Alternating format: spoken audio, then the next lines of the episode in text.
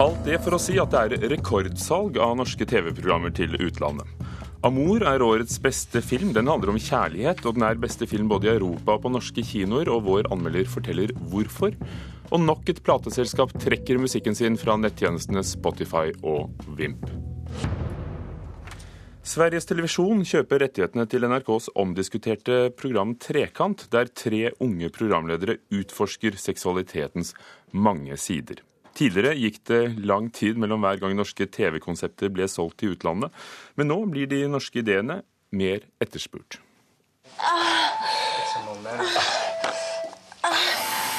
Med nærstudie av orgasmen og utforsking av all verdens fetisjer fikk programmet Trekant mye oppmerksomhet.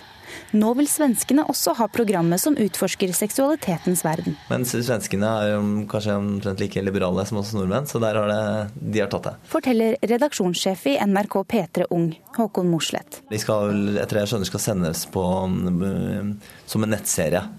Så det er veldig Veldig morsomt og stas for Trekant. Og det er ikke bare svenskene som vil ha norske TV-konsepter. Flere og flere originale norske ideer kjøpes av kanaler i utlandet.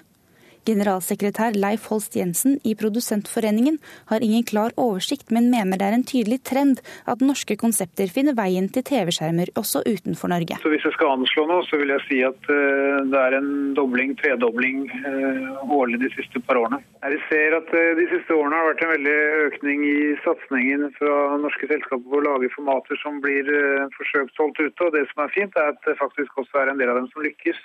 Ekstreme ting, kanskje til og med ekstremt dumfarlige ting.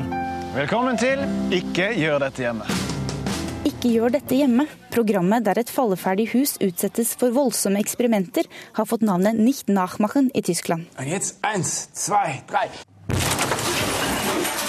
I Danmark sprenger de rødvinsflasker i mikrobølgeovn, og programmet heter Dumt og farlig. En oversikt NRK har laget, viser at Teenage Boss nå skal lages i seks land. De matglade danskene har importert både Firestjerners middag og Hellstrøm inviterer. Kjendisbarnevakter skal passe barn både i Sverige og USA. Og i Ukraina skal de lage egne varianter av både Popstock og Sønner av Norge. TV Norges Gøy på landet skal lages i fem land, mens ytterligere 30 har opsjon på konseptet. En buss? Ja, det er 20 damer som kjører en buss til små tettsteder. En buss til 20 tettsteder er det helt uaktuelt, liksom. Altså, Forteller Trond Kvernstrøm i Monster produksjonsselskap om da de først forsøkte å selge serien Gøy på landet til Amerika. Senere fikk de gjennomslag, og nå skal kanalen Fox lage Babes on the Bus. I Monster har de i to år jobbet ekstra for å skape ideer som kan slå an i utlandet. Vi sitter jo som produksjonsselskap og produserer TV-programmer. Og da kan vi jo enten sitte litt sånn passivt å se på at vårt marked, som er det norske markedet, blir invadert av ideer fra Nederland, England, USA. Vi ønsker jo på en måte å slå kontra på det og tenkte at vi er nødt til å være proaktive. da. Vi, ikke, vi må jakte på de beste ideene og ha scouter ute som henter det beste fra utlandet, men vi må òg invadere de andre landene. Kvernstrøm er ikke redd for at norske serier skal miste særpreget, men innrømmer at det er visse ideer som egner seg bedre for eksport. De skal nemlig være originale og enkle. Hva med et studio? Liksom aktuelle gjester? Litt musikk? Altså Det kan ikke selges, da. Men hvis noen sier sånn Du, har en idé. Hva hvis du liksom svarer riktig på 15 spørsmål, så blir du millionær? Ah, ok, det er en kul idé. Uh, da jobber vi videre med den. Og om Trekants tydelige, men dristige konsept slår an i Sverige, gjenstår å se. Reporter var Ina Charlotte Fjellhøy, og lyden var fra Trekant.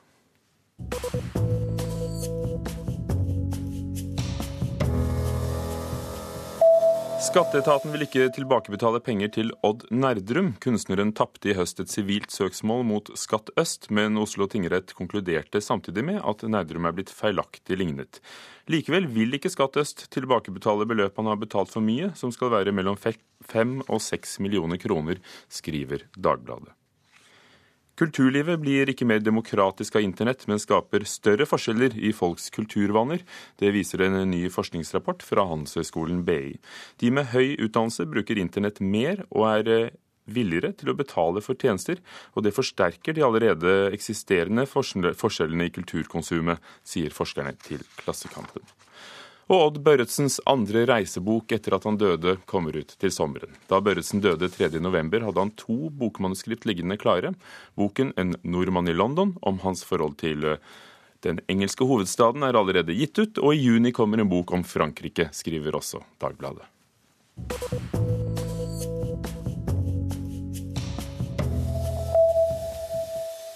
Mange greier i tre fra romertiden er funnet på gården Kjos i Seljord i Telemark. Bruksgjenstandene dukket opp under drenering av en myr på 80-tallet, og er nå datert til å være nesten 2000 år gamle. Og arkeolog Åsne Dolve Meyer er glad disse tingene endelig har dukket opp igjen. Det morsomme med de gjenstandene er at de er av tre. Eh, det er litt forskjellige typer gjenstander. Det er eh, et par eh, noe som vi tror er padleårer, noen spader og et trau og noen klubber. Og litt sånn veldig bruksgjenstander, altså hverdagsgjenstander, da, som er med på å fortelle mye om livet på, på den tida de ble laga. Hvor spesielt er dette funnet? Det, det er veldig, veldig spesielt. Fra romertid, når de her gjenstandene ble laga, så det vi kjenner mest, det er disse her gravgavene, da, det folk fikk med seg i graven. og Det er jo mer praktgjenstander som kanskje ikke forteller så mye om dagliglivet som disse her gjenstandene som ble funnet på Kjos. da. Så Fryktelig morsomt. Veldig artig. De ni gjenstandene ble funnet under dreneringsarbeid på 1980-tallet. Så havnet de på låven, for deretter å bli glemt. Først da neste generasjon tok over gården, ble gjenstandene hentet fram igjen. Og En dateringsprøve viste overraskende nok å være fra mellom år 70 og 220 etter Kristus. Sammen med andre kulturminner på Kjos så forteller det ganske mye. Eh, de som eier gården, de viste oss jo også en del eh, slagg fra jernutvinning. Og Det var jo en gravhaug der. og Disse her funnene forteller jo at det har vært en ganske stor aktivitet på denne gården, der de har drevet med jernutvinning. De har hatt, eh, hatt penger og makt nok til å lage seg en gravhaug. og ja, i det hele tatt så til sammen så forteller dette her veldig mye, altså. Og det fortalte arkeolog Åsne Dalve Meyer til reporter Børre Karterudseter. Jazz- og familiedrama fra Sorga kler Elektra med Gjertrud Gynge og Pål Christian Eggen. En av mange forestillinger på Norske Teatret som har gledet vår anmelder i år, faktisk fra Det Norske Teatret. Og Karen Frøsland Nystøyl, hvor gode var de beste forestillingene? For nå ser vi tilbake på et år på teatret. Ja, De beste forestillingene de var som denne, som 'Sorga kler Elektra'. Det, det er den forestillinga jeg sitter igjen med etter dette året, der jeg, der jeg ble glad på en vond måte. Der jeg tenkte, jeg satt i salen og tenkte at er jeg i Norge nå? Um, det gjør jeg ikke så ofte. Jeg tenker ikke så ofte det. Uh, det var en forestilling som gleda meg stort, og den var så gjennomarbeida og grundig og god. Dette var Eirik Stubø som hadde regi på denne. og og typisk er jo at uh, birollene her fikk Hedda-priset. Um, nå ved utdelinga i år. Og det, det viser òg at, um, at, det er et godt stykke når det, når det framheves på den måten. Familiedrama av Eugene mm. O'Neill, altså. Siden vi er på den positive siden i begynnelsen, hvilke andre høydepunkter har du sett?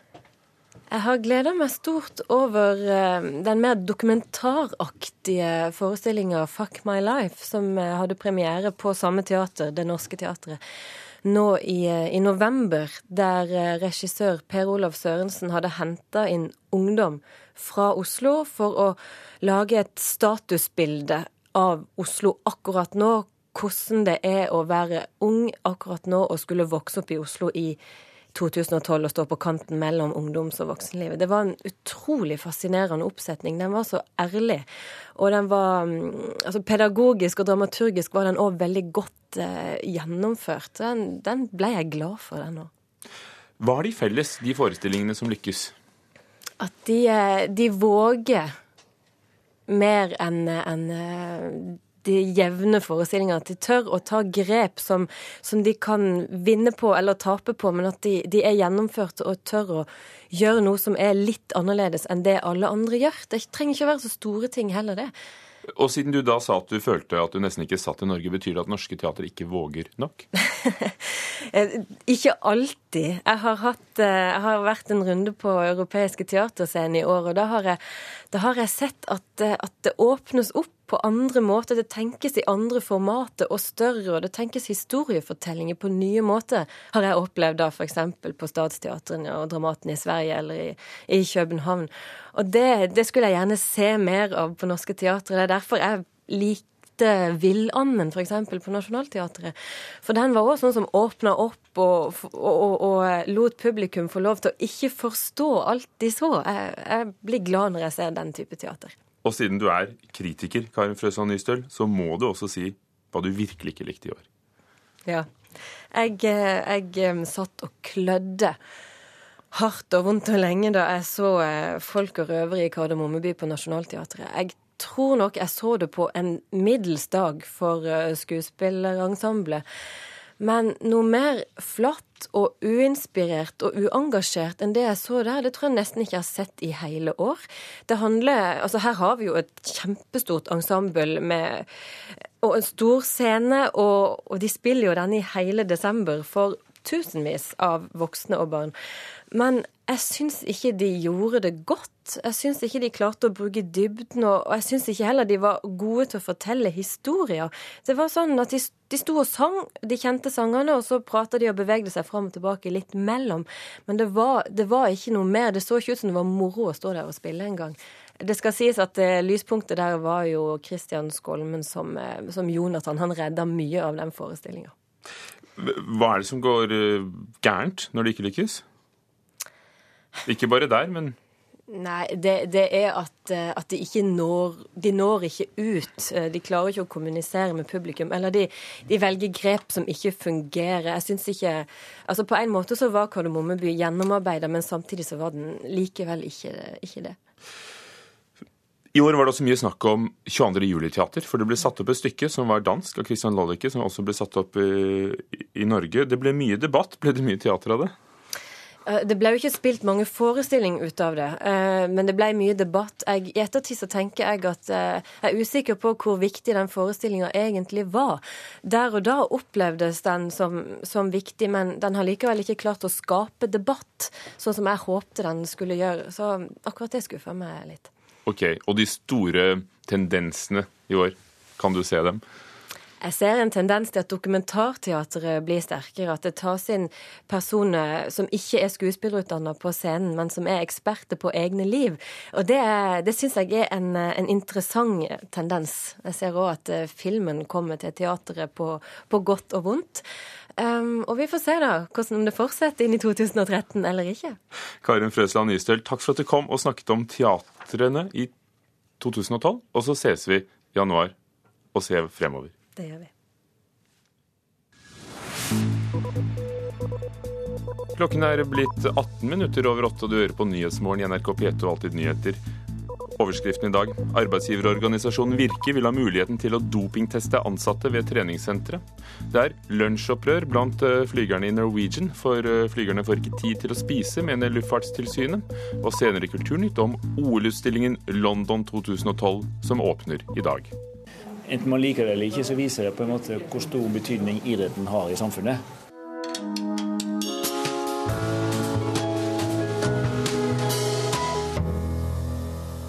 Amor er årets film i Europa. Den fikk Gullpalmen i Cannes og priser for beste film, regi, mannlig og kvinnelig hovedrolle av Det europeiske filmakademiet. Neste uke, første juledag, har den premiere også i Norge. Einar Gullvåg Staalesen anmelder. Michael Haneke er 70 år og vokser som filmskaper. Han gjør vanskeligere oppgaver. Han er mer presis nå. Han er stadig mer levende.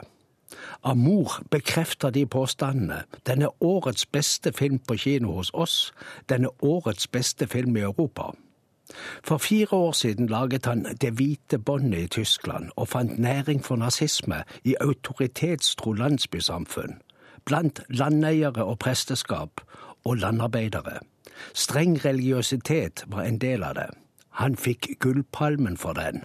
Altså, en sort-hvitt-film med mange gråtoner fikk verdens mest attraktive festivalpris i 2009. Amour ser verden fra en eldre, slitt, fasjonabel Paris-leilighet med flygel. De var musikere og musikkpedagoger før de ble pensjonister, de to som bor der. I åpningsscenen er det eldre ekteparet på konsert.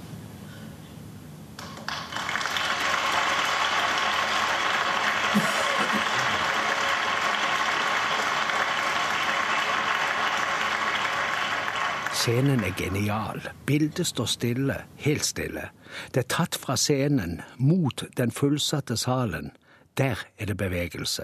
Det snakkes og mumles slik sosialt liv arter seg på konsert, før musikerne gjør entré. Det klappes. Det er solokonsert for klaver. Historien begynner ved frokosten neste morgen. Det eldre paret snakker om konserten og pianisten. Den unge begravelsen la grunnlaget for sin enorme fremgang i denne leiligheten, ved klaveret der. Hun var hans lærer tidlig i utviklingen, i all beskjedenhet.